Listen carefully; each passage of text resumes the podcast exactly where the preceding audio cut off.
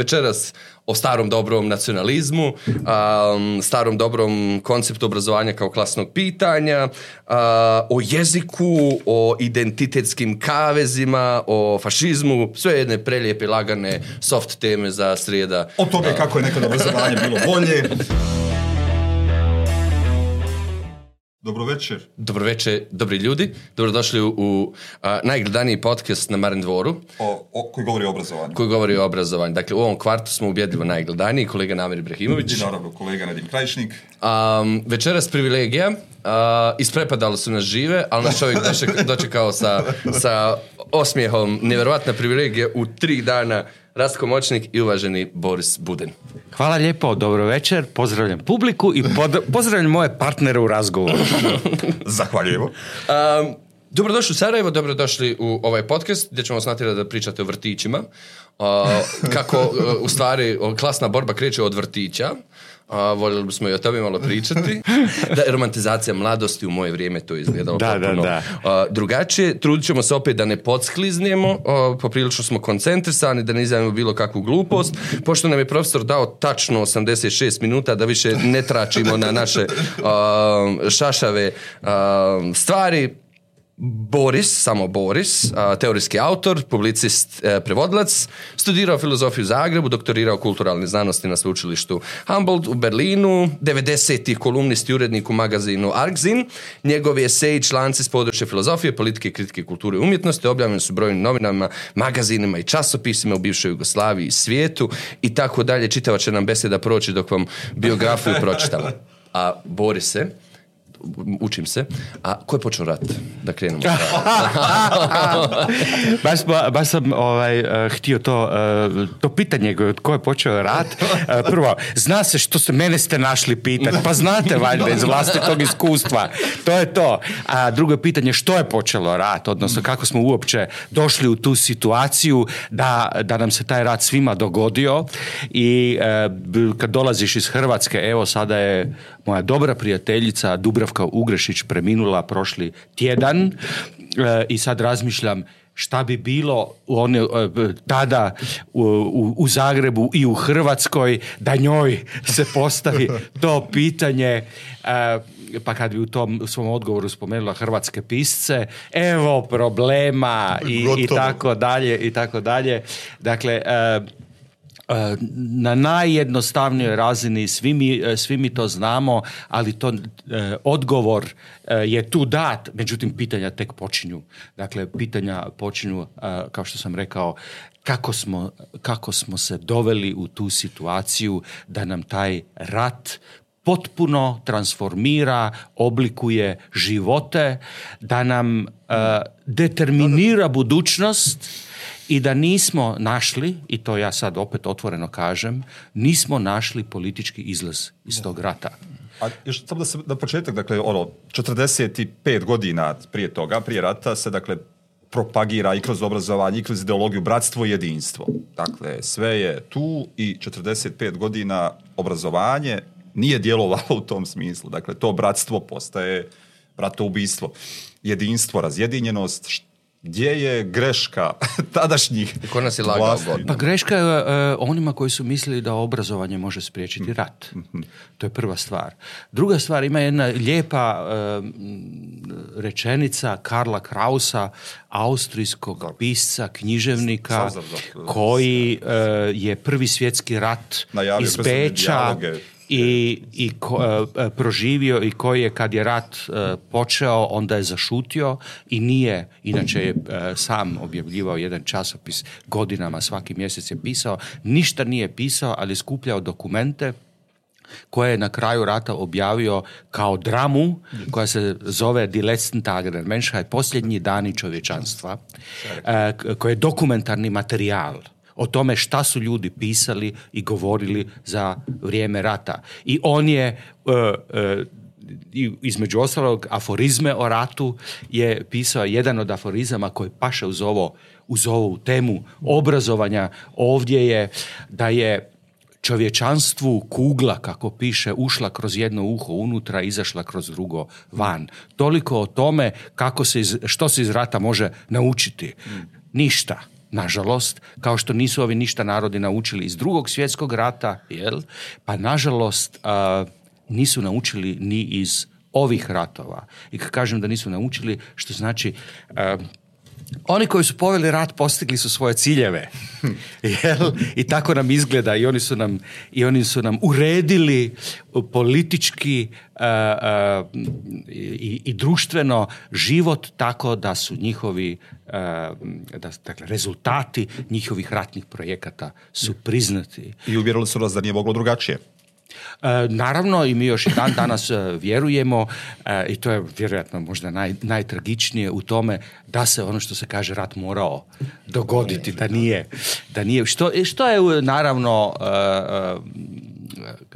kao što znamo dovodi u pitanje tu činjenicu za koju smo svjesni da postoji taj kontingentni moment, odnosno moment e, toga da stvari nisu determinirane unaprijed. E, e, najstrašnije u svemu tome je da možemo to pomisliti i moramo to pomisliti. Rat ne da, ne da se mogao, morao se izbjeći. Ovo morao je važno. I tu treba sad gledati te odgovornosti, ali opet ne u ovom jurističkom smislu. Sad ćemo mi pobrat sve ove zločnice koliko ih mi odvesti u Hag, onda ćemo ih potrpati po zatvorima, malo udobnijim, jel, po zapadnim Europama, pa kad se e, vrate, onda ćemo ih dočekati sa cvijećem, kao, kao naše junake. Sa I milionima eto, na računima, tako je, da se ne brinu. Eto. Kako su dakle, 68 da uspjeli? E, uspjeli, nisam... Da pa su uspjeli. ako su završili... Kako su uspjeli mjesec dana da zadrže fakultet? A, da, kako su 60 osmaši.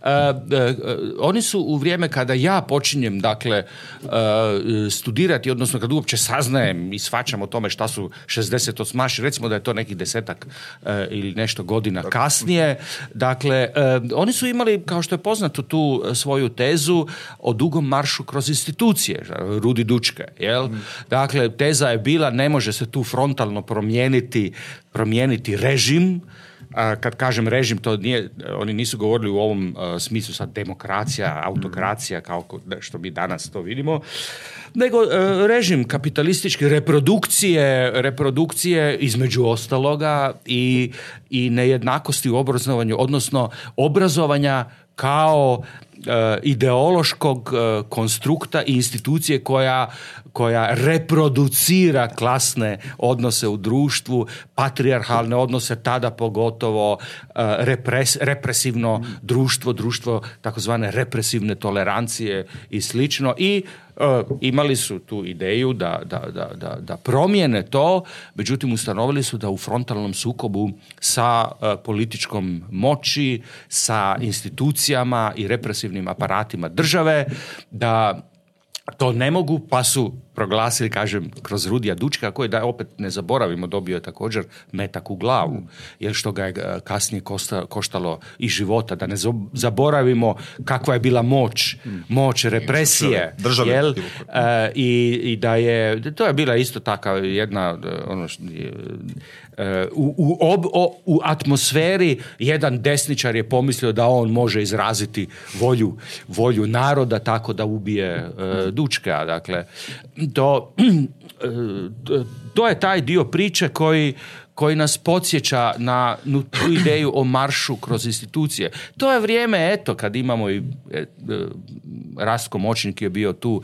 on je baš taj jedan altizerovac, kritičar. on kaže, da baš, kad sam ga pitao šta se radilo 68. kaže, hodao bos.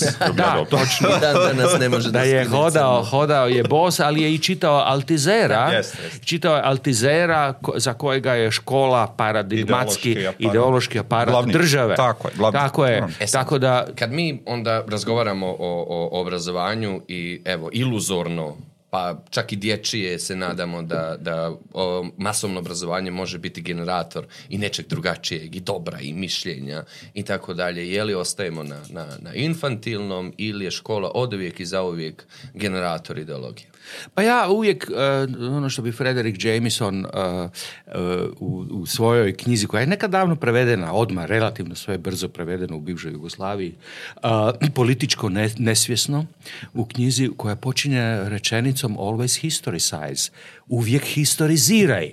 Pa onda je tako i obrazovanje nešto što trebamo historizirati, moramo se podsjetiti kada nastaje institucija ovog suvremenog modernog univerziteta, kada na, u kojoj situaciji nastaju suvremene discipline, zašto one danas ne funkcioniraju kao što su funkcionirale, a ne funkcioniraju.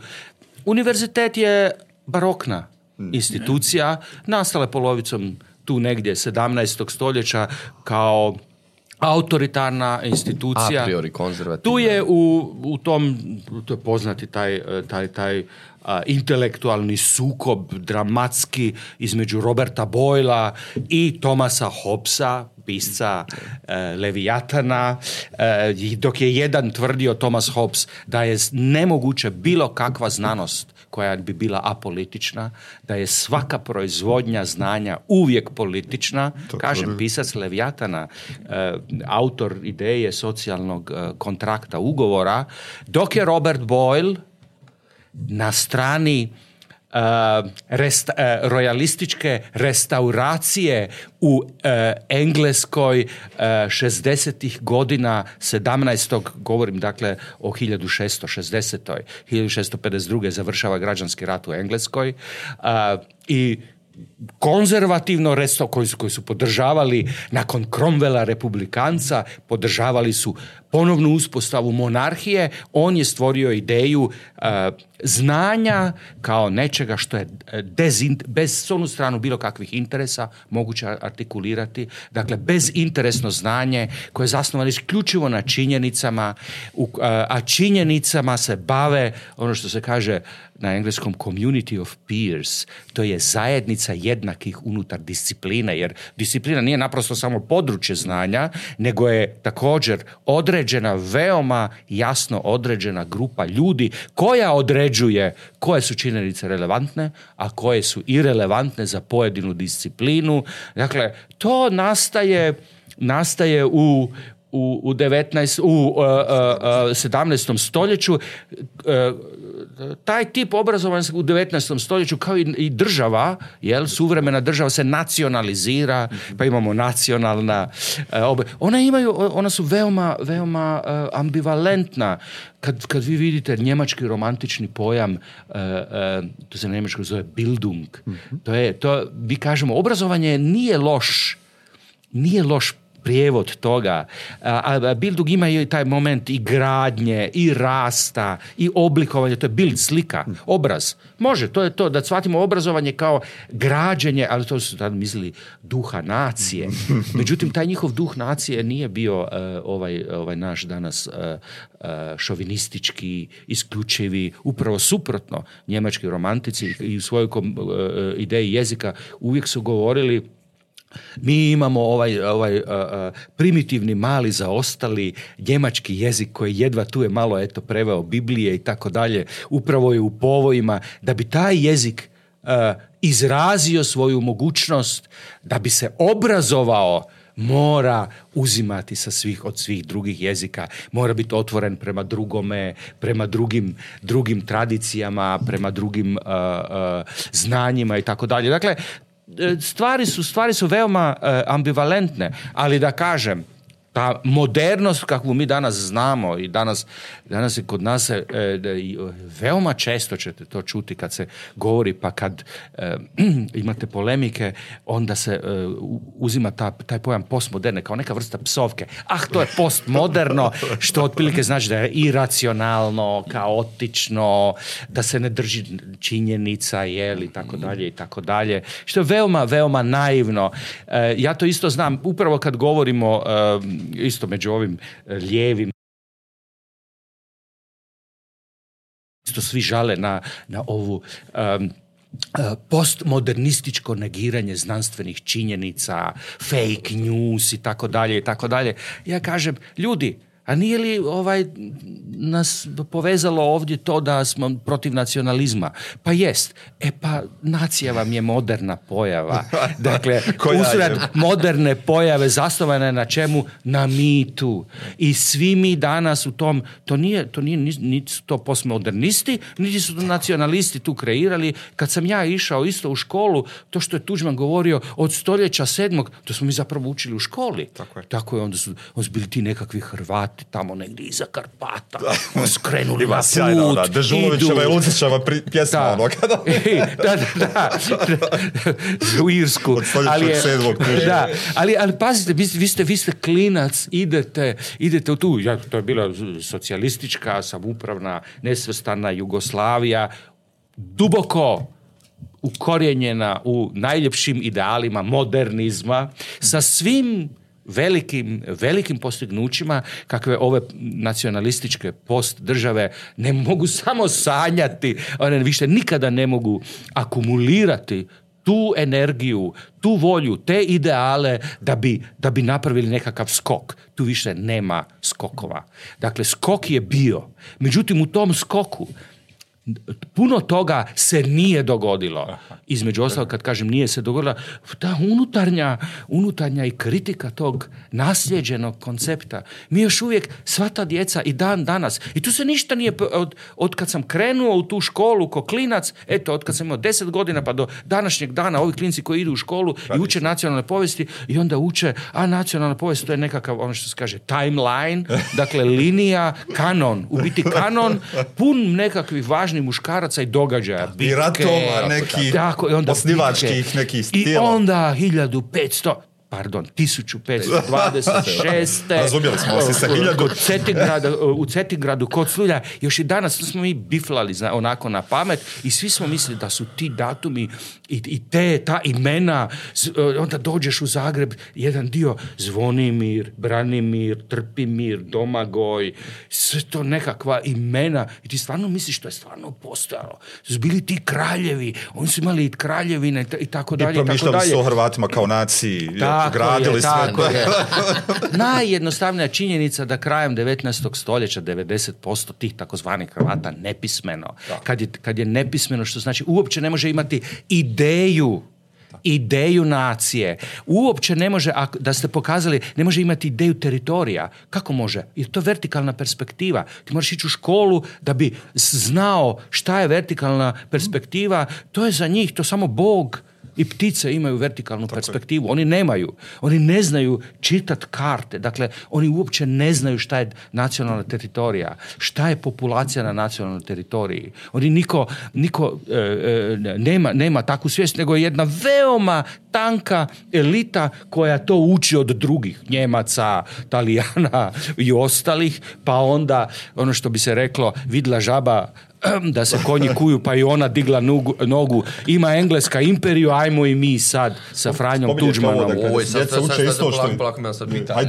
prvo ti, prvo ti, e. za ovaj blok od sat vremena. Ovaj, reći, stičemo do pola osam. A, ovo kad ste spominjali, dakle, imali ste deset godina, učili ste isto vrijeme što uče i djeca i danas. A, je li vi možete sjetiti osjećaja vaših dok ste u školi? Je to bilo teško jeste uživali ići u školu, kako ste inače doživljavali školu kao nešto što je nužno, što se mora, i ili... nastavnik. Ovako, da, sad budem samo iskren, a onda ćete ovo, eh, u, kad ćete to puštati, staviti u zagrade.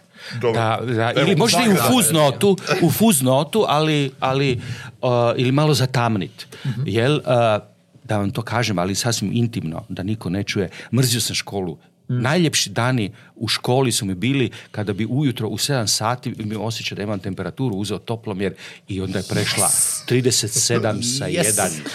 Ogromna temperatura. to, je, to, su, to su najsretniji trenuci mog školovanja. I onda sam onda bih pozvao mamu, onda bih dobio, ne znam, tada naranđu, nešto, čaj i tako dalje. I od osam, kad je on, oni jadnici su sjedili u školi i sad očeli, eh, ajde da kažemo, brnjasica koja je predavala matoku, pitat, prozvat, neće prozvat. Ja sam ležao u krevetu i čitao sam šta sam htio. Cijeli dan. Imao sam do sutra, a sutra možda isto. I kažu da to pomjer nije važna sprava. Dakle, Važan izum. Dakle- ali niste dali da vam ubiju znati želju za nečim drugim. meni nije bio problem moj sa, sa znatiželjom. Dakle, e, da, škola je bilo to mjesto socijalizacije, ona je bilo isto mjesto normativizacije, no, to, to znači normiraju te, mm. jel? Ti moraš, ti moraš naučiti nekakav jezik, jel?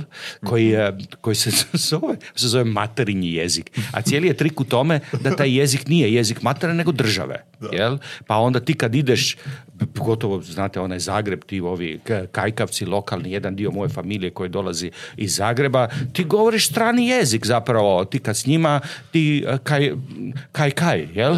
jel? Nema, nema kaj u školi. U školi ti e, onda kažu da se moraš što, ti možeš preći na, štokavicu i onda imaš učitelje koji znaju kako treba govoriti, jer ti, ne, ti govoriš ne, ne govoriš dobro. I kažnjavaju ukoliko se Naravno da kažnjavaju, naravno da kažnjavaju.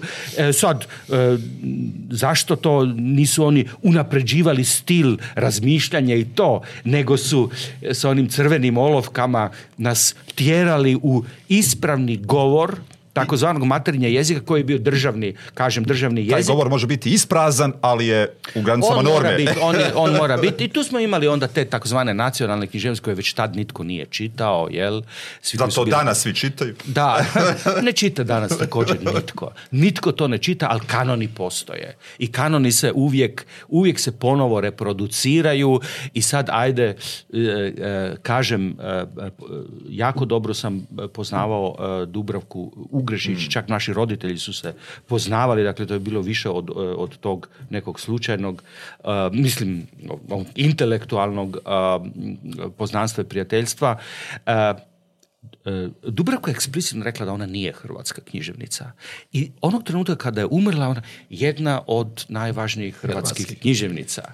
I ta logika kanonizacije, ona ide jer morate nekamo metnut. Jer ona, sjajno ume, ono, isto Rečensko Dubravka kaže ovaj, dakle, da nijedna dobra književnost nije nacionalna književnost. Dakle, ne može se svrstati. vi ste se u nekoliko intervjua negodovali kad su vas nazivali hrvatski, pa, austrijski, da. kako god. E, to je, ja, ja kad sam e, za, za Zurkamp e, radio knjigu koju sam pisao na, na njemačkom, onda isto tako, to nije samo kod nas, nego ne znam šta je, da li sam spominjao, i onda sam napisao Jacques Rancière, i onda, onda mi je urednica rekla da napišem francuski filozof Jacques Rancière. A ja sam rekao, ali Mislim, ne bih ga htio. Kaže, ne, ne, to je zbog publike, to, je, to ide tako da publika može odmah da, Šta? Nisam ja mogao dalje e, jer ona je šefa, ja sam, dakle ona je odredila kako i treba i, i, to, ali e, to je ta ideja. Ti to moraš u neku Moraš to pometati i mm. tako to ide i tako naš, naša slika svijeta koji je taj nekakav klaster klaster tih nacija, nacionalnih država, u svakoj toj nacionalnoj državi ima kao jedna kultura, jedan identitet, jedna, jedna Koji uvijek izolirano rastao svega. jedan, jedna povijest i tako dalje. To, ja sam, imam velikih problema s time i zbog toga što je moja, moje, da tako kažem, disciplinarno e, područje je teorija prevođenja, međutim kada ja kažem teorija prevođenja, ne mislim na to da je to teorija o tome kako treba prevoditi i kako se bolje prevodi, nego je E, e, to je, e, da, ukratko da, da kažem, prevođenje nije forma komunikacije, nego društveni odnos. Hmm. Onog trenutka kad sam rekao da je prevođenje društveni odnos, to znači onog trenutka kada do, se ono zbiva, onda, onda, je, onda su svi ti paketi jel? Paketi, otkuda si, što si, kako si definiran, imaš li identitet, koji je tvoj jezik, ima li tvoj jezik ime, ima nacionalno, zašto ima nacionalno, kakvi su kanoni za tebe, sve je to predeterminirano time kad ti kreneš, kad ti kreneš i e, prevoditi. I kad prevodiš, i to je možda e, u mom e, intelektualnom sazrijevanju sa temom prevođenja bio, e, bio također jedan, e, da tako kažem, e, intelektualno formativni mm. moment, ta heureka, kad shvatiš, kad nešto shvatiš u, u, u, teoriji što ti promijeni na neki način život, a to je da prevođenje nije tu zato da povezuje mm. samo ljude, nego on jednostavno, svako prevođenje proizvodi granicu i razgraničuje ljude. Zato mi često, kad ove na naše jezike, kad kažemo nije potrebno prevođenje, prevođenje, onda zaboravljamo činjenicu da se prevođenje neprestano zbiva.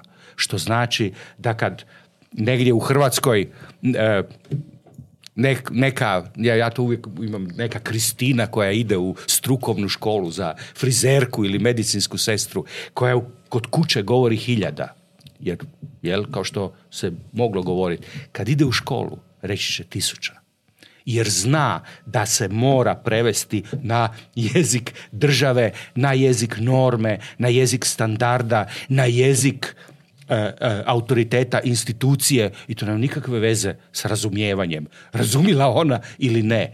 E, zašto, zašto prevodi? Zato da proizvede granicu. Zato da uspostavi, da uspostavi standard i da ga razgraniči ne samo od srpskog, bosanskog, nego i od takozvanih te subdivizije e, takozvanih dijalekata, jel? I to su u Hrvatskoj, čini mi se, najviše i radili nakon raspada SFRJ. Da. Ja, veći ja, oblik nasilja nekog su Nasilje je, škola je nasilje. Ajmo sad, daj, Škola je nasilje i to je jedno veoma kontrolirano, planirano nasilje, normativizacije. E sad ona može biti manje, veće nasilje. U bivšoj Jugoslaviji kažu e, nisi smio govoriti hrvatski jezik. E, zvao se hrvatsko. Nije se zvao. U mojoj svjedoži piše hrvatski ili srpski. Mhm. Jel? što je... E, uh, Koja to godina? Disjunkcija. To je to su kraj 70. Kraj 70. Kraj 70 što znači to je inkluzivna disjunkcija. Ono ili je i, da, može.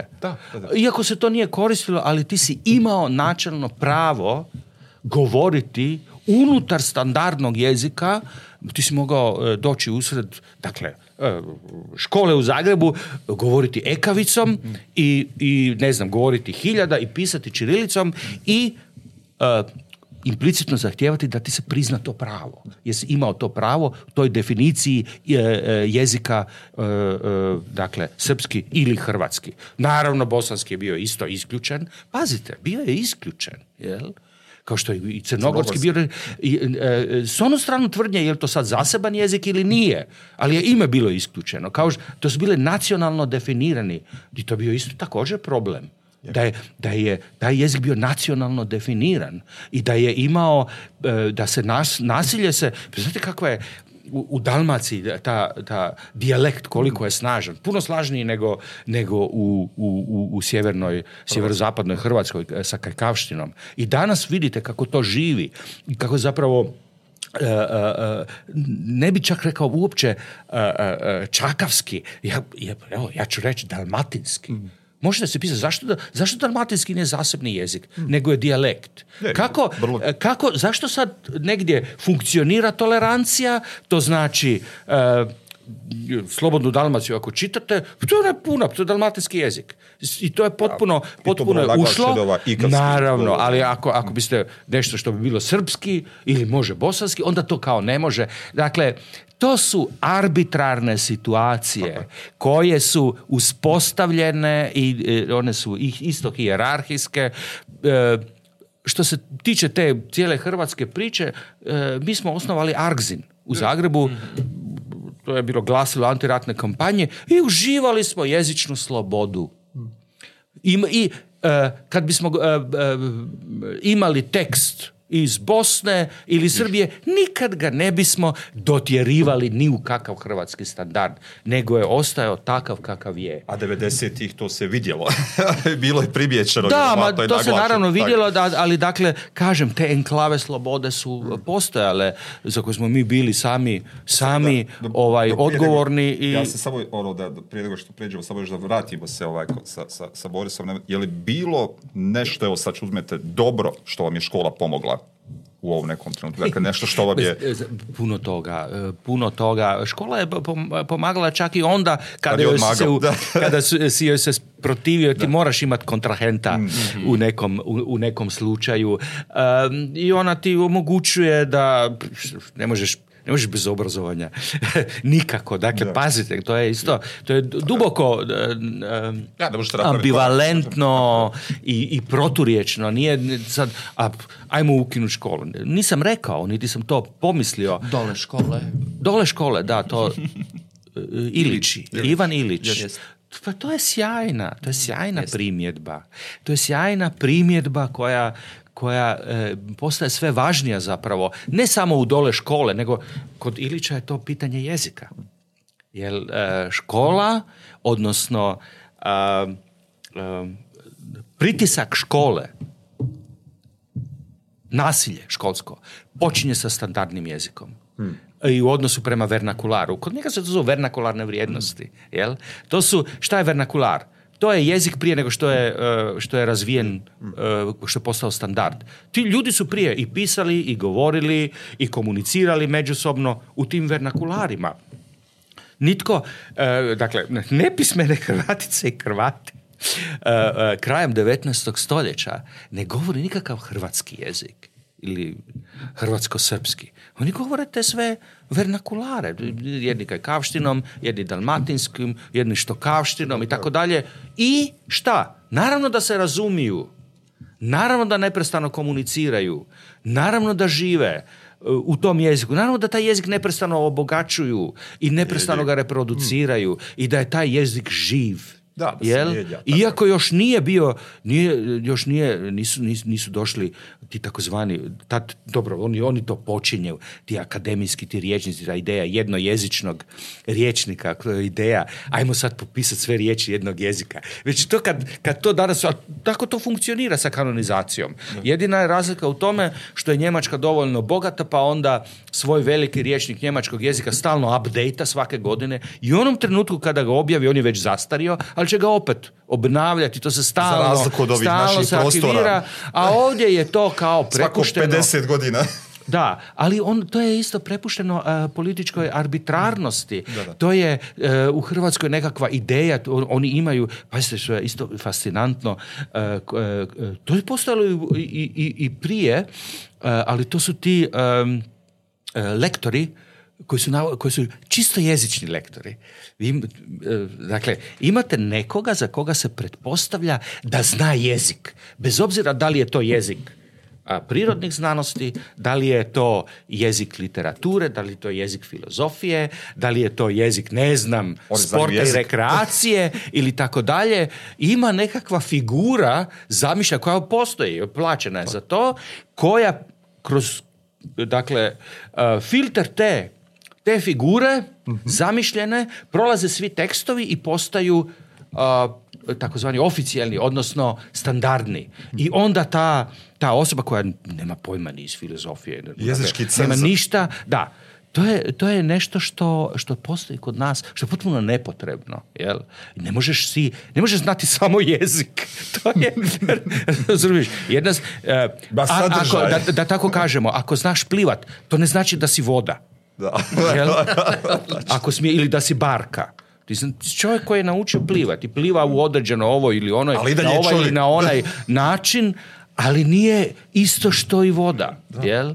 Ali to je isto e, e, ta ideja e, što mi još, još uvijek je to duboko ukorijenjeno u lingvistici, pogotovo tim i strukturalističkoj i drugima, a to je navika da brojimo jezike kao da su Uh, kruške, jabuke, 1, 2, tri, hrvatski, srpski, slovenski, engleski i tako dalje. Pa onda imate usput, ako ne znate, ovaj, u e, Europi e, se još nisu složili o tome. Ne znaju prebrojati koliko ima jezika. Iako neprestano broje. Tako da imate između, ne znam, 60 i 120, ovisi o tome, neko, neki će lingvisti uzeti ovo kao jezik, drugi će reći ovo nije jezik i tako dalje. Tako da je to potpuno arbitrarno, ali se svejedno broji. A ali nikome, se time bavi. E, e, neko živi od toga. Žive ogromne institucije, žive e, hrvatski, ne znam, zavod za jezik, pa onda možete zamisliti, Hrvatsku akademiju znanosti i umjetnosti da kao fol ne zna jezik, mislim. Pa oni su tu, kad oni progovaraju, onda progovara čista esencija to jezika, jezika iz njih. Jugoslovensku akademiju znanosti umjetnosti. Da, pa to je isto zanimljivo, to je isto zanimljivo kako su, kako su to. Eh, upravo oni koji se kunu u tradiciju, gaze tu tradiciju, jel? Nisu mogli nisu mogli izaći i, i reći to nam je, to je naše nasljeđe. Jel? Nego, su je, nego su je promijenili. To je bilo kao normalno. U ime tradicije su zgazili tradiciju. Zvala se Jugoslavenska akademija. Priča mu još jedan sjajan primjer, nema veze sa jezikom, ima s drugim, Dinamo u Kroacija. da, da, da. da. Ali Stara riječ Hrvatska. Da, da. Samo da dovršim jednu stvar. Ehm, Možemo, možemo li e, umjesto, dakle jezik zamisliti umjesto kao jabuke ili kruške koje možemo brojati kao vodu koja stalno teče, koju ne možemo mhm. potrpati i ne možemo brojiti. I to je Ilić. To je Ilić, mhm. to je dole škole.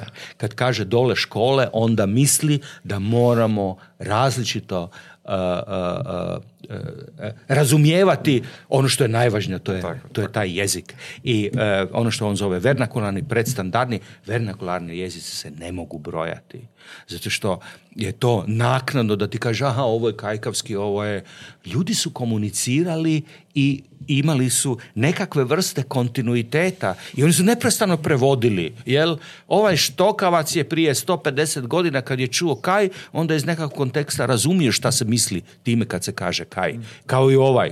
Dakle, ljudi su, ljudi su imali i uvijek imaju e, iskustvo jezične razlike i živjeli su s time. Zašto da te jezične e, razlike koje su neprestano svaki dan prisutne ovdje kad mi, neprestano susrećemo se sa jezičnim, jezičnim razlikama zašto pojedine razlike dakle e, preuzimaju ulogu graničenja jel da.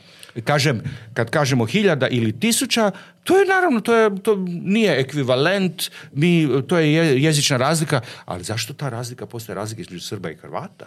I se ja primjer ono, mislim je na, na Hercegovina dolje, ne znam, Ljubinje i Stolac i sad ono, u nekom trenutku naravno govori se i bosanski, i hrvatski i srpski, tako nazivaju svoj jezik, ali recimo kada ono, pored puta prodaju, prodaju svi saransak. Dakle, bijeli luk je i u srpskom, i u hrvatskom, i u bosanskom, kod ljudi koji koriste, a u normiranom jeziku je to drugačije. Da, ja isto, ne, ja, meni, biste mogli pod pod tim saransak prodat bilo šta je, ne znam šta je. Jel?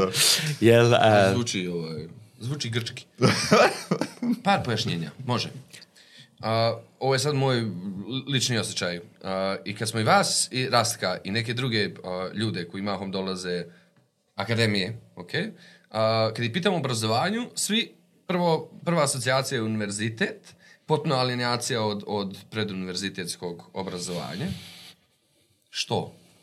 A do sad smo i sad govorili, ja sam, ja zapravo govorio da je, da je moje temeljno iskustvo to toplomjera, jer to je prije univerziteta. što se tiče, ali što se tiče univerziteta, moram reći, to je e, evo, i na neki način dosta, dosta intim, intimno. Moja, moja kćer teško pati u toj e, gimnaziji i, i, i, i, mrzi tu školu i to. Ja joj uvijek kažem, samo još malo, samo još malo, prestaće.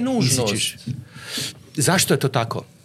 Isto to je, to period Pritom da sa, sa, ove pedagoške strane, to je, to je period u kojem se razvijaju stavovi u kojem djeca zaista imaju ogroman kapacitet da uče i mi ih osudimo, kao Jasper Jul to zove, prinudni smještaj. To znači, je predivno, predivno, 13 godina prinudnog smještaja. Da. E ništa kad bismo sad e, pitali s moju kćer, jedna od jedan od elemenata e, e, s kojim ona ima problem u školi je da je to klasna institucija. Mhm.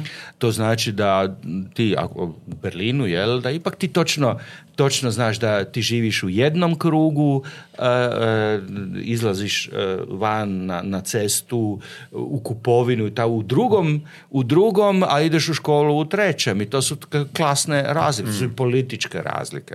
To su isto koje se odmah naravno osjećaju već na toj razini ko govorimo o višim razredima srednje škole gdje se e, i, osjećaju političke, političke razlike. Dakle, e, to iskustvo e, razreda u kojem su djeca, djeca s kojim, takozvana djeca, dakle mladi ljudi koji su djeca, ne znam, zubara, pravnika i tako da je nekakve elite, jel, je jedan svijet, drugi je svijet, ne znam, kao eh, kod moje čeri koja je u plivački koji je drugačiji.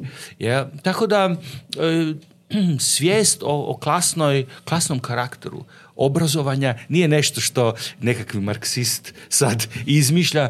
To je neprestano eh, prisutno i škola kao, kao sistem, kao ideološki... E, e, aparat e, države reproducira te odnose i ona ključ, igra ključnu, ključnu ulogu u reprodukciji tih odnosa. I time su se reforme uvijek bavile takozvani socijalno-socijalističke reforme i kod nas su bile reforme, reforma školstva. Moje, u mom slučaju je zanimljivo da ja zapravo dolazim u sukob, to se danas kaže komunizam. što me je uvijek užasno smiješno. Dolazim e, e, u, u sukob sa represivnim režimom bivše jugoslavenske države upravo kroz moj protest e, protiv tadašnje Šuvarove reforme školstva. Ideal Šuvarove reforme školstva je bilo egalitarnije školstvo. Ali je ona bila stješnjena između sistema koji je bio tržišno orijentiran i koji je trebao određene eh, profile koje je eh, dakle diktiralo tržište. Što je potpuno od sada. Da. Toga više Sada se, je, Ne, postoji jedna bitna razlika, onda je to bilo jugoslavensko tržište, a sada je globalno tržište. Sada svaki treći liječnik eh, u Zagrebu kad završi fakultet odmah ide van. Dakle, egalitarizam se pretvara u svoju suprotnost, mm. odnosno ti hačeš želim besplatno obrazovanje u našem društvu da svatko može pristupiti, da svaki može postati doktor, međutim koji ima najviše profita, od toga Njemci imaju najviše profita od toga, jer je e, kako to već funkcionira u kapitalizmu, siromašni se slože da skupe novce pa daju bogatima. E, to se isto i nama, nama eto tako događa. E, to, je ta, to je ta to je to e, moment suprotnosti kad, kad si ti s jedne strane E, e, egalitaristički tražiš da e, školovanje bude besplatno, a kada zapravo vidiš kako u jednom sistemu koji se ne, kontrolira više od nacionalne suverene mm. države, kako u tom jednom sistemu ti zapravo proizvodiš nepravdu i ti zapravo koristiš dakle, s tvojom idejom koristiš onima koji su već moćni, bogati, koji dobivaju, dakle, Njemačka treba godišnje pola milijuna radnika izvana da bi opstala, da bi e, penzijski sistem funkcionirao. Govorimo o sebi ja ću imati tu dakle, dakle, dakle, dakle dođite, dođite, samo dođite, svi će sokolovi. Evo, evo jeste, i postali ste inženjeri, doktori, njegovatelji. i njegovatelji i tako dalje. Dođite, pomognite mi, plaćajte mi penziju. A šta će biti ovdje? A šta će biti Meni se srce cijepa što, što moji drugari s kojima sam odrastao nisu inženjeri ni doktori, nego su njegovatelji i jeftina radna snaga. I šta više, čak pare izvana koje dolaze perpetuiraju to isto. I malo smo pričali o stručnim školama kao kraju puta. koje je potpuno dehumanizirano, gdje, gdje nema ljepote pisane riječi, ništa osuđuješ djecu na to. E sad imam sljedeće, jednu, trenutku ste rekli nepismenost, ne možeš imati ideju, ne samo ovaj, nacije, nacionalnost, ne možeš imati ideju ničega. A, je li sad to o, nešto na šta sistemi računaju? A, jer to mi, to mi šizofreno ne mogu da odgovorim na to pitanje. Bosna i Hercegovina ima ogroman broj djece funkcionalno nepismene, dakle preko 50%, govorimo o svakom drugom djetu koje sretnete. Mm. Šta, na, šta, šta znači konkretno funkcionalno? funkcionalno nepismeno da, da, ok, može pročitati tekst, ali ne može ga sažeti, ne može izvediti ključnu ideju. Da, može... osnovni dio recimo iz teksta koji stoji. I to, i, sad me to je li sistem računa na to, jel mu to treba? Dakle, nema mišljenja, ne, ne, ne proizvodiš mišljenje, mhm. pa se nemaš čega bojati, mhm. ali tu u jednom trenutku ima svoj kraj. Dakle, ta, ta, samo destrukcija će u jednom mhm. trenutku da pojede sa, samo sebe.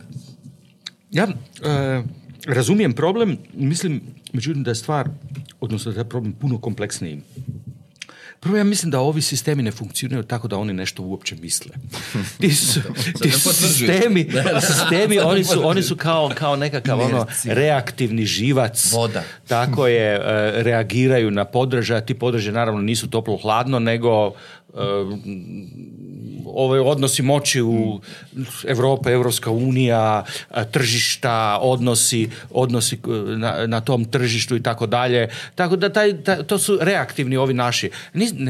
nema na ovim područjima suverene nacionalne države, nisu ovi parlamenti ovdje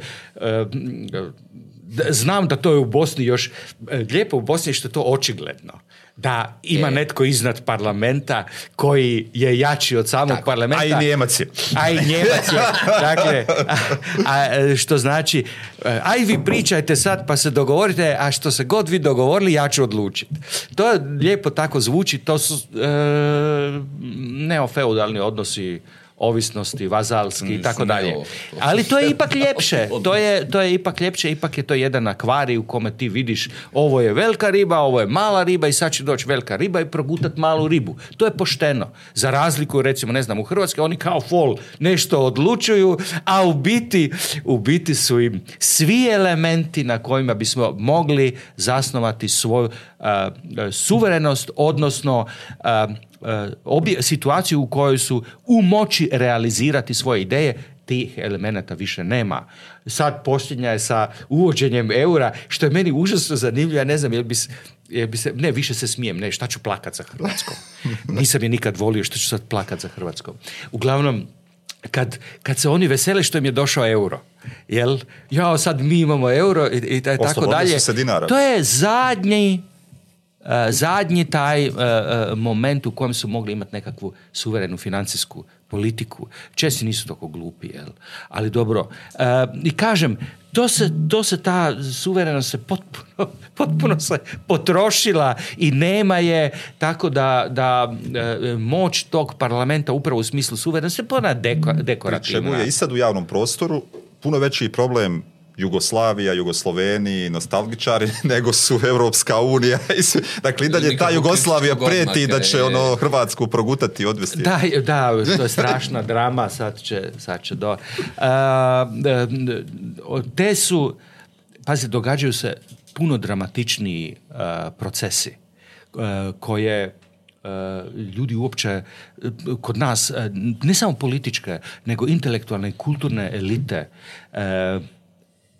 E, uopće ne opažaju i ne žele govoriti o tome, a imaju dovoljno podataka. Reći ću vam, e, e, Evropska zajednica radi različite projekte istraživanja. Jedan od takvih projekata koji je prije jedno par godina napravljen, to je istraživanje posvećeno sposobnostima evropskih nacionalnih jezika da reagiraju na digitalnu tehnologiju, odnosno njihova sposobnost da inkorporiraju digitalnu e, tehnologiju, da se usklade sa digitalnim tehnologijama. I onda je napravljeno e, istraživanje u kom, u kojoj mjeri jezici prate razvoj digitalne E, tehnologije, uglavnom većina europskih jezika uopće nije u stanju pratiti digitalnu tehnologiju, samo najjači, recimo njemački, francuski, engleski ne spominjem uopće, jer je to izvan, izvan svakoga, to je jezik digitalne tehnologije. Uglavnom, zaključak komisije je bio da e, e, većina europskih nacionalnih država, pazite, ovo je sad citat, možete ga, ja vam mogu dati, možete to pronaći, provjeriti, to je citat, neće preživjeti digitalno doba. Što znači da je u razvoju, u digitalizaciji, kako ona, kako ona napreduje, tu nema šanse. Ali mi to svi znamo iz vlastitih iskustava, tu se pokušavaju pokušava se prevoditi, pa onda jezik koji je u, eh, u, stanju eh, eh, pratiti dakle digitalnu tehnologiju kao što je njemački jezik, nema potrebe prevoditi riječ smartphone. Jer se u njemačkom može slobodno reći smartphone. Ali se kod, kad dođemo u Hrvatsku, oni kažu pametni telefon. E sad, kad biste to sad preveli na njemačku, kad biste rekli kluge s telefon, ja mislim da bi njemci popadali pod stol. ne možeš biti pametan. Smart je nešto drugo jer je, jer je to je riječ koja je originalna u tom, u toj mhm. digitalnoj. I tu, dakle, to su takozvane e, e, neprevodivi momenti koje ne treba prevoditi. E sad, ovdje se misli da time što su oni smartphone preli u pametni telefon, da su, da su oni se pri... jezika. Da su se oni ovaj, adaptirali na uvjete digitalne tehnologije. A onda kad idete na ove jadne male Vikipedijice. koje bi trebale, koje bi trebale, trebale akumulirati neko znanje, onda vam je sasvim, sasvim jasno da e, funkcionira najbolje na engleskom jeziku, evo to na njemačkom, Francuskom, to su države koje ulažu ogromno, ogromna sredstva. A ovdje je u Hrvatska Wikipedia je, to je pitanje jesu li sad je ova e, ustaška grupica pod kontrolom, pa se za Jesenovac ne zna šta se dogodilo e, i zašto su tamo partizani pobili, pobili Hrvate, jel? Ili je, dakle, to priča, ili, ili će biti nešto drugo, ali je, ali znamo, ukoliko želiš koristiti digitalnu tehnologiju u stjecanju znanja i proizvodnji znanja, forget your own language. Zaboravi svoj vlastiti jezik jer ti to neće pomoći. I kad ja govorim o to koliko je to dramatično, samo da vam kažem da u Njemačkoj zadnjih gotovo 15 godina u 90 i nešto 95% slučajeva predajem isključivo na engleskom. Dakle, predajem i u, predavao sam preko deset godina u Weimaru na Bauhausu, isključivo na engleskom, jer su bili internacionalni. Kada su bili razredi koji nisu bili internacionalni, onda je bilo par Erasmus studenata, onda pa bi oni došli i onda bi oni rekli, pa da li mi možemo na engleskom, jer ne znamo tako dobro njemački, i onda je ostatak razreda rekao, pa onda ćemo svi na engleskome, jer nam je to i onako e, dobro da se malo uvježbavamo, i onda su svi prešli na engleski uh, jer su oni, oni to, da tako kažem, još jednu stvar, njemački sistem se nije zbog toga uzbuđivao, za razliku od francuskog, koji to ne bi dozvolio. A što se tiče eh, u, također sad u Beču, eh, to je isključivo na engleskom i govoreći o tim mladim ljudima, ja moram, moram reći da je fascinantno da, da, da, da, da klinci sa 18-19 godina perfektno govore engleski. I sa ove o, Evropa, dolazi, nema veze da li je to neko sad iz Bosne, pa iz e, i, tako dalje, oni to znaju, kada ne znaju, znaju da ne znaju, pa, pa se unapređuju i rade na tome, ali pazite, to je slučaj u, e, e, u E, Njemačkoj koja je neki 100 milijuna kad uzmete Švicarsku i sve ostalo govornika. to je najbogatija Njemačka, e, to je najbogatija zemlja Europske unije koja najviše investira u to znanje i u jezik, u sve to skupa, jel? E, francuski i njemački jezik poslije engleskog jezika su najjači jezici u svijetu. Dakle, od svih knjiga koje se prevedu u svijetu, 60% je prevedeno s engleskog, od po 10% njemačkog i francuskog, ostali jezici su marginalni. Španjolski, čitav kontinent govori španjolski, to je manje od 3% se knjiga prevede sa španjolskog. Kineski manje od 1%. A ovi naši, možete zaboraviti sve to. To vam je hijerarhijski, to je hijerarhijski sistem.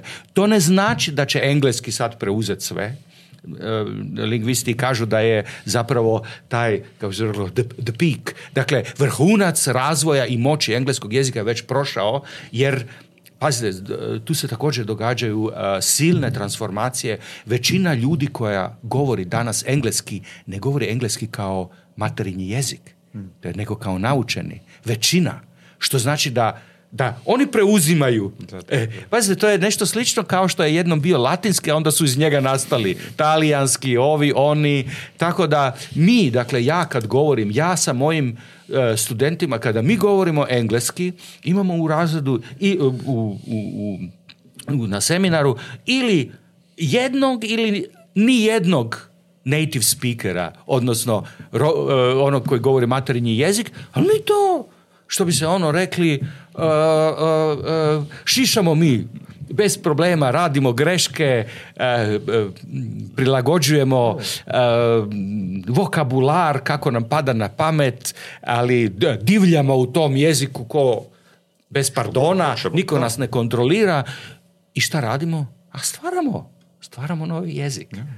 E, e, e, transformiramo jezik. I to je samo pitanje vremena kad će doći neko tamo iz nekakvi, šta ja znam, Oxford Dictionary, bla, bla, i reći ne kaže se ovako, a ćeš, ma goni se, ti i tvoja, mi ovdje govorimo onako, a da, onda ću ja, ma možeš mi staviti soli na rep, gotovo je. E, dakle, to se, to se događa da se sad vratim, ono mislim da je, dakle, E, ja mislim da, da bismo svi mi trebali e, postaviti sebi pitanje e, kako da spasimo taj, taj jezik, naše jezično iskustvo, jer je ono ugroženo. Hm. I ja mislim da, je naš, da su naši jezici vrijedni, jezik je, nema, ja, ja bih, ja bih znate kad pitanje da li govori se ovdje četiri jezika ili jedan, onda eh, je po meni, rekao sam, to je pogrešno pitanje, jer ono broj jezike. Eh, ako govorimo jedan jezik, ne govorimo ga više kao standardni jezik.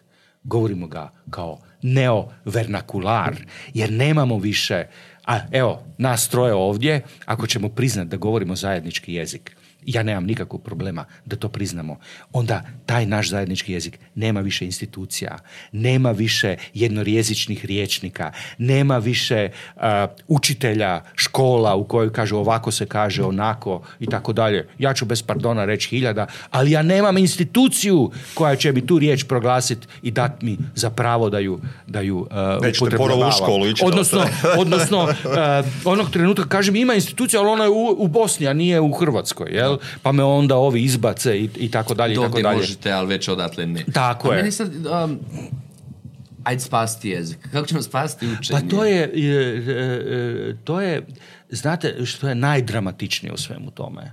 Što, to, sam ja, to ja primjećujem i u mom predavanju, e, znate, vi počnete pa onda e, studirate filozofiju, pa naučite njemački jezik, pa čitate u originalu, ne znam, Hegela, ovoga, onoga, pa počnete pisati na njemačkom, pa napišete e, knjigu na njemačkom jeziku, a onda sve to zapravo završi time da govorite, govorite engleski, da moram, da bih predavao Hegela, čitati Hegela u engleskom prijevodu. jer to nužda. ne sad, sad ću se ja tamo praviti važan, ja to čitam u originalu. Badavati, džabati, džabati original jer ne možeš i onda moraš, dakle, ne možeš izbjeći razliku, ne možeš izbjeći transformaciju, ne možeš izbjeći sve konsekvence toga. I to se zbiva, pred, to je, kažem, moje, moje vlastito iskustvo. Ali šta me, šta me e, na ovim prostorima mi je nešto najdramatičnije. Reći ću, vam, jedan slučaj koji se dogodio danas kad je Rasko Močnik došao u ovaj seminar gdje smo bili, mhm. jučer održao predavanje i onda ga je...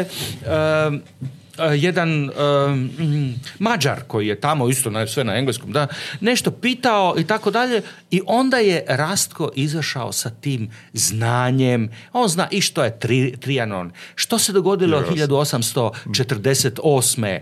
tko je Petefi uh, uh, zna ja onda sam ja odmah aha, Jelačić ubacio i tako dalje mi imamo nekakvu priču Mađari znaju da mi znamo imamo nekakvu tu zajedničku kako je nastala dvoj vojna Austro-Ugarska, austro monarhija, kako je Bosne granica, kada, kada je to napravljeno u Berlinu, kongres berlinski uh, 7, 878. Mi imamo tu nekakvo naše, i kad kažem lokalno znanje, Ono to uključuje uh, uh, činjenicu da da i mi znamo ko je uh, Košut Lajoš, znaju Mađari i tu imamo imamo ne, nekakve referencijalni svijet koji smo onda, onda smo mogli ozbiljno o tom razgovarati šta je demokracija, e, šta je revolucija, ko je igro koju ulogu i tako dalje. U tom trenutku sam se sjetio, viš kako to sad fino funkcionira, ipak e, e, funkcionira, dakle referentno je, ovi znaju da on zna, on zna da oni znaju i, i idemo, nekakvo se zajedničko znanje tu narasta, funkcionira i onda sam se sjetio 2000. kada sam e, u Zagrebu, uh, Tuđman je umro, trebali su biti izbori i ta e, Open Society Institute George Soros, ja sam bio tamo u Board of Directors i ideja je bila da što se kaže režim change, naravno, zato postoje te fundacije da mijenjaju režime. I onda su došli, eh, onda su došli ovaj, s tom idejom, ok, ajmo sad srušiti tu HDZ-ovsku vlast i dovest jednu, kako su oni tamo, eh, ne tu divljačko, nacionalističko, zločinačku, nego eto, pristojnu demokraciju. Eh, Sa puno različitih stranaka. Liberalno, tako dalje i tako dalje. Ajmo sad to, ajmo. Dobro, i onda su nam poslali iz između ostalih, onda oni to škol, školuju, ove divljake, jel, šta je demokracija i slično. I onda sam poslije nekakvog republikanca koji je bio koji je bio ekspert za slobodne medije i tako dalje. I onda smo mi koji smo bili tamo, mi smo trebali ići kao na seminar kod njega, sad će on nama. I to se stvarno dogodilo. I to su bili sad ljudi koji su imali, ja sam već tada imao iskustvo u bivšoj Jugoslaviji, jer mi smo radili u, medijima. U bivšoj Jugoslaviji su postali komercijalni mediji i sve. Svi smo mi bili nekakvi, da tako kažem, profesionalci, čak i oni mlađi koji su dolazi klinci u Argzin, mi smo od njih u dve, tri godine radili nekakve profesionalce, mi stariji, jel to se reproduciralo. I onda je došao tip koji je počeo nešto, znate ona opća mjesta, free and independent media uh, is the most important uh, for, the, for the development of, uh, of uh, democracy and the role of civil society. I taj, taj bla bla koji je bio gori od Ja ga, ja ga nikad nisam doživio, a sam ponekad kao ono Staljinova historija skpb Sve puno najgorih teških frazetina s kojima svi smo sjedili, gledali, naravno smo se smijuljkali, lupeta bez veze. On govori o tome the development of civil society is crucial for, for democracy. E, dakle civilno društvo. E. A od čega se u tog trenutka sastoji civilno društvo u Zagrebu? Dobro, ova koje je dotirano izvana, to smo mi, ok, ali ovo autentično, od veterana u crnim uniformama, koje sa ubi ovog, za onog. civilno društvo. Civilno društvo i ta cijela drama tog etničkog čišćenja koja se događala otprilike u Hrvatskoj tako da civilno društvo, odnosno predstavnici veterana, dođu, izbace čovjeka iz stana, bacaju mu E, bacaju mu ovaj, ne mora biti nužno Srbin, može biti samo čovjek ima stan, jel? A, a, a, veteran, a veteran nema. jel? Odnosno, oče bolji. I onda mu baca namještaj kroz prozor, a ovaj jadnik dolje zove policiju. A policija ne dolazi. Ne dođe nikad i nema stana. Eto, eto e, dakle, to je, bilo, je to bila jedna stvar, a druga bila je najsmješnija u jednom trenutku smo shvatili da tip uopće ne razlikuje Sloveniju, Slavoniju i Slovakiju. I to je bilo, ta, to je bilo lijepo. To, ta, to. I onda, e, e, kažem, danas sam se toga isto sjetio. To je to. Dođe ti netko ko nema elementarno znanje, ne zna apsolutno ništa historijski, on je došao, to je bio pa komunistički totalitarizam i oni su svi ne znaju šta je demokracija, sad će njima to objasniti, a gdje sam ja to, pa ja sam u istočnoj Europi, jel? Sad, da li je Slavonija ili, ili Slovenija? Slaveni su rekli. Big deal, big deal, jel? Su I to je, kažem, to su bile te, te, ti nesporazumi i oni traju do danas. I oni su vam, oni su, kad smo tu u Bosni, to vam je eh, Dayton. To je Dayton. To je, to je kad, kad, kad, kad su ljudi na ovim našim prostorima, zato je i rat, propustili da sami se dogovore i da sami nastave nekakav suživot, a imali su, fala Bogu, iskustva suživota, gdje su mogli, i uvijek kažem, to je već tih 90. bilo zašto rat u Bosni, pa eto, da su bili e, demokrati i evropljani, ne bi se potukli, ako su bili balkanski divljaci koji su se mrzili stoljećima i čekali prvu priliku da se pobiju međusobno. Znate onu tezu Marije Todorove da je zapravo rat u Bosni rezultat mm. implementacije koncepta nacionalne države na mjesto na kojem dođeš tu pa sad vidiš, gle, pa imaš i sinagogu i, i, i, i džamiju i katoličku i ovu i sve to stoji tu od, što bih vratio rekao, stoljeća sedmog. Nije Hrvata nema veze, nema veze. Sve to stoji tu i onda ti dođe opet netko i onda te uči. Učite nečeg, učite Kažem, zato je to isto taj problem škole, što neko nikad ne izađe iz škole, nego mu se uvijek, uvijek, ta, uvijek je taj đačić prvašić koji sjedi i uvijek ima neki učitelj i onda mu, što bi se e, e, reklo, on, znaš, objašnjava e, šta je topla voda, jel?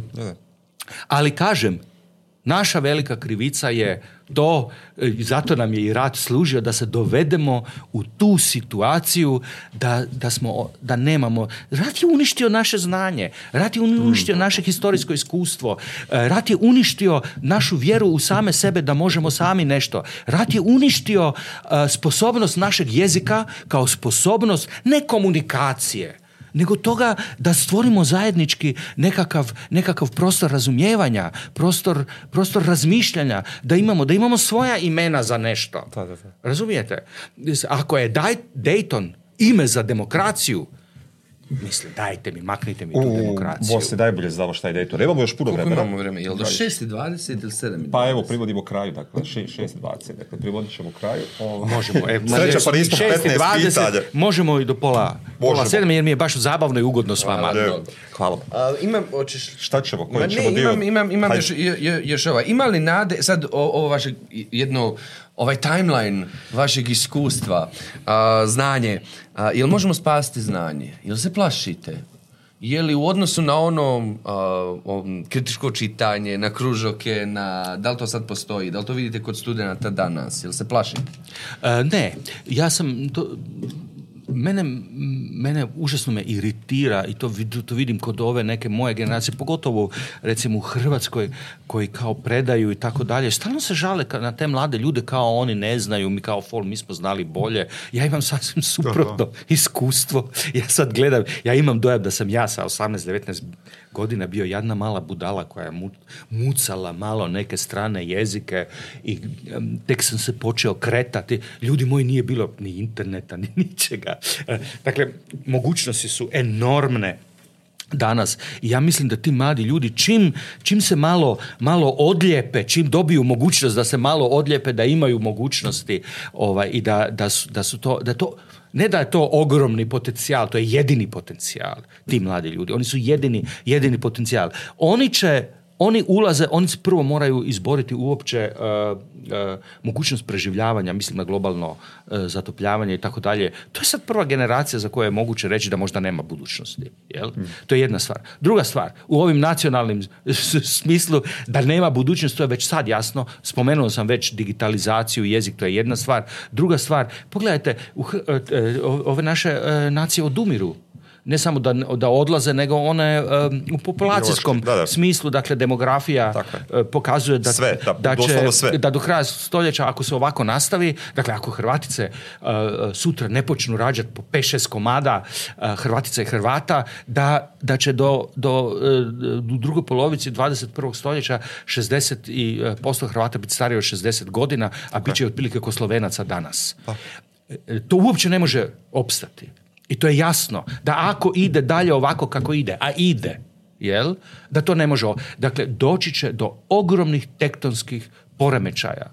I mi se moramo dakle spremiti na te tektonske poremećaje, e, na radikalne promjene i u tom smislu kad znanje, šta je znanje? Imate, imate e, kritike a, a, e, imate ovu knjigu jednu fantastičnu De Souza Santosa Epistemologies of the South epistemologije juga pa jedna od velikih problema znanja, onoga što zove zapadno moderno znanje, je to što je stvorilo dualizam čovjeka i prirode u kojem je priroda objekt, odnosno resurs dok, dok, su, dok su smatrali da je iskustvo u kojima je ljudima priroda koji su božanstvo ili brat da je to, su to divljaci. A sad se ispostavlja da zapravo ovi koji su mislili da je priroda materija koja se može beskonačno mm. iskorištavati, jel, to su zapravo divljaci koji su doveli čovečanstvo na rub propasti. Dakle, mi imamo, mi živimo u jednom trenutku kad ono što sam rekao, taj e, moderni koncept znanosti, barokni, to e. sedamnaest 17. stoljeće, sa tim disciplinama, sa prirodom kao drugim od čovjeka, sa znanošću koja je zapravo e, zasnula na tom empirizmu iz tog doba, to je, sada dolazi svom kraju kompleksnost današnjeg života, globalnog života je takva da ti modeli znanja, klasičnog modernog znanja, uh, nemaju šanse se uh, uh, uopće suočiti s tom kompleksnošću. Zato kad ove, ovi, ovi svi ovi antivakseri, fake news frikovi, ovo, ovo sve što se zbiva, to jest dramatično, ali ako neko misli da je moguć sad povratak u uh, uh ono što bi se klare, distinkte, de, uh, uh, uh dekartovski jasnoću spoznaje, čisti uvid u činjenice, znanje zasnovano isključivo na činjenicama, bez obzira koje, da je moguće to ponovo iz obnoviti, taj je taj je, mislim, ne samo naivan, taj je opasan. Dakle, ovo ću, evo, ja ću iskoristiti priliku da ukradam zadnje pitanje. ovaj. naivno, ja je ovaj, u konceptu onoga što Zygmunt Bauman govori o tome je da holokaust se jedno mogao dogoditi u modernom društvu, dakle u svemu ume što je društvo uspjelo izgraditi, dakle pa da neko organizira holokaust kao takav i nešto što nismo pitali moćnika autora knjige, ali hoćemo izdavača, ono biti kraj 90-ih godina i knjiga Koliko fašizma zapravo U, u, tom nekom, u nekom trenutku mi šta što ovo govorim. Dakle, govorili smo o ovim sad odnosima digitalno doba generacije i sve ostalo. Međutim, ono što trenutno vidimo zapravo jest ovaj rast opet širom ove demokratske Europe i svi drugi Amerike i svi drugi stvari, dakle rast onoga što jeste fašizam. Dakle, sad više nije pitanje koliko, nego šta s fašizmom. E, pa e, gledaj, mi sad tu sjedimo i mi tu sad malo lupetamo o obrazovanju ovim našim krajevima i tako dalje, ali mi znamo u međuvremenu da zapravo ne toliko nerealistično moguće da, da noćas ovi opale te atomske bombe. Noćas. Da, da. da. Noćas. I onda gotovo. Jel? Dakle, dotle smo se doveli. Mm. Dotle smo došli. Može li dalje? Može. E, dakle, e, podsjećam vas na dramatičnost te priče i tu sad ovo ta primjedba e, Baumana, pa to je ta, taj problem modernosti. Modernost je proizvela dva svjetska rata, pokolje ogromne, holokaust, e, e, rasizam, uništavanje prirode koja prijeti da će, da će, da će uništiti život čovječanstva. Jel? Dakle, nema jednostavnog povratka natrag, ali ja mislim da ta dramatičnost dramatičnost uh, uh, uh, stanja u kojem se nalazimo, da čak riječ fašizam više ne odgovara tome. Fašizam bilo je antifašizma. Jer neki ljudi su neki su ljudi znali u jednom trenutku postaviti ono što bi se to ovde i dalje ne i to ćemo, to ćemo, spriječiti. Danas to više nije. Mi možemo uh, uh, deskriptivno zvati Putina fašistom, fašistom, malim Hitlerom i tako dalje. U povijesti, u nema ponavljanja. Jel? Ako pritisne onaj gumb, bit će puno gori od Hitlera. Dakle, šta će nam taj fašizam? Ali uh, imamo nešto, i da se nadovežem na, na moćnika, teorije o o fašizmu, koje su fašizam, koje su fašizam e, naravno dovodili u vezu sa kapitalizmom i krizom kapitalizma. Kad smo spomenuli holokaust, e, Max Horkheimer 39. piše onaj slavni tekst Di in Europa, je e, židovi u Europi i poruku tko ne želi govoriti o kapitalizmu treba da šuti o fašizmu. Jel? Dakle, dolazimo ponovo u to da, da, da, da, e, da se moramo suočiti sa sa e, krizom, krizom kapitalizma, odnosno krizom ovog sistema e, društvene proizvodnje, mm. dakle života epohalne kapitalističke koja očigledno ne mora nužno trajati u beskonačnost, u lijepu beskonačnost, gdje će uvijek kod nas, ja volim to što kod nas postoje, uvijek taj refren svih tih liberala, kaže u jednoj normalno uređenoj državi. I onda misliš, a šta oni to misle? Onda vjerojatno misle kao na Njemačka. Njemačka je normalna, je uređena država. Zašto ona normalna e, uređena država? Ko koga tu eksploatira? Koja je pozicija Njemačke u odnosu na, na Balkan? Zašto ta normalnost, pa može biti normalnost kad, kad e, pola milijuna ljudi uzima e, Eh, izvana da se, da se reprodu, da reproducira svoj visok standard, jel? Dakle, da ima tu moć. Pa može biti, eh, eh, znači, ono što mi zovemo neuređeno i nenormalno, pa to je nužna, nužan druga strana ove uređenosti i tako dalje. Ja znam da bismo mi svi htjeli pasti na čokoladnu stranu historije, ali nažalost ne možemo. Hvala vam puno. Hvala i vama. Hvala vam, onaj, zvaćemo vas opet, zaista, ima nismo jedno 76 pitanja. Pa meni je isto, meni je bilo super zabavno s vama. Svašta mi pada na pamet, zato što imate e, snagu motivacije. pa priča o kraju svijeta. eto, Ovdje su se, ovdje u Bosni su se ljudi znali smijati i u najgorim trenucima i to je njihovo veliko bogatstvo i velika prednost nad mnogim za koje se misli da su pametniji. Uf, taj, to je već bolesni nivo rezilijentnosti. Boris, se hvala Doni. Hvala. Živi bili. bili. Dragi gledateljice, dragi gledatelji, hvala ova... O, kakva ekskurzija. Fenomenalno. Je. Hvala što ste nas gledali, hvala Imeru, hvala drugu Nedimu, hvala još jednom Borisu gostu to je to, ljudi, vidimo se sad ovo unazad, unazad, unazad, pa onda ide čitanje, čitanje, pa opet Boris, Boris, Boris, tako dalje. Živili.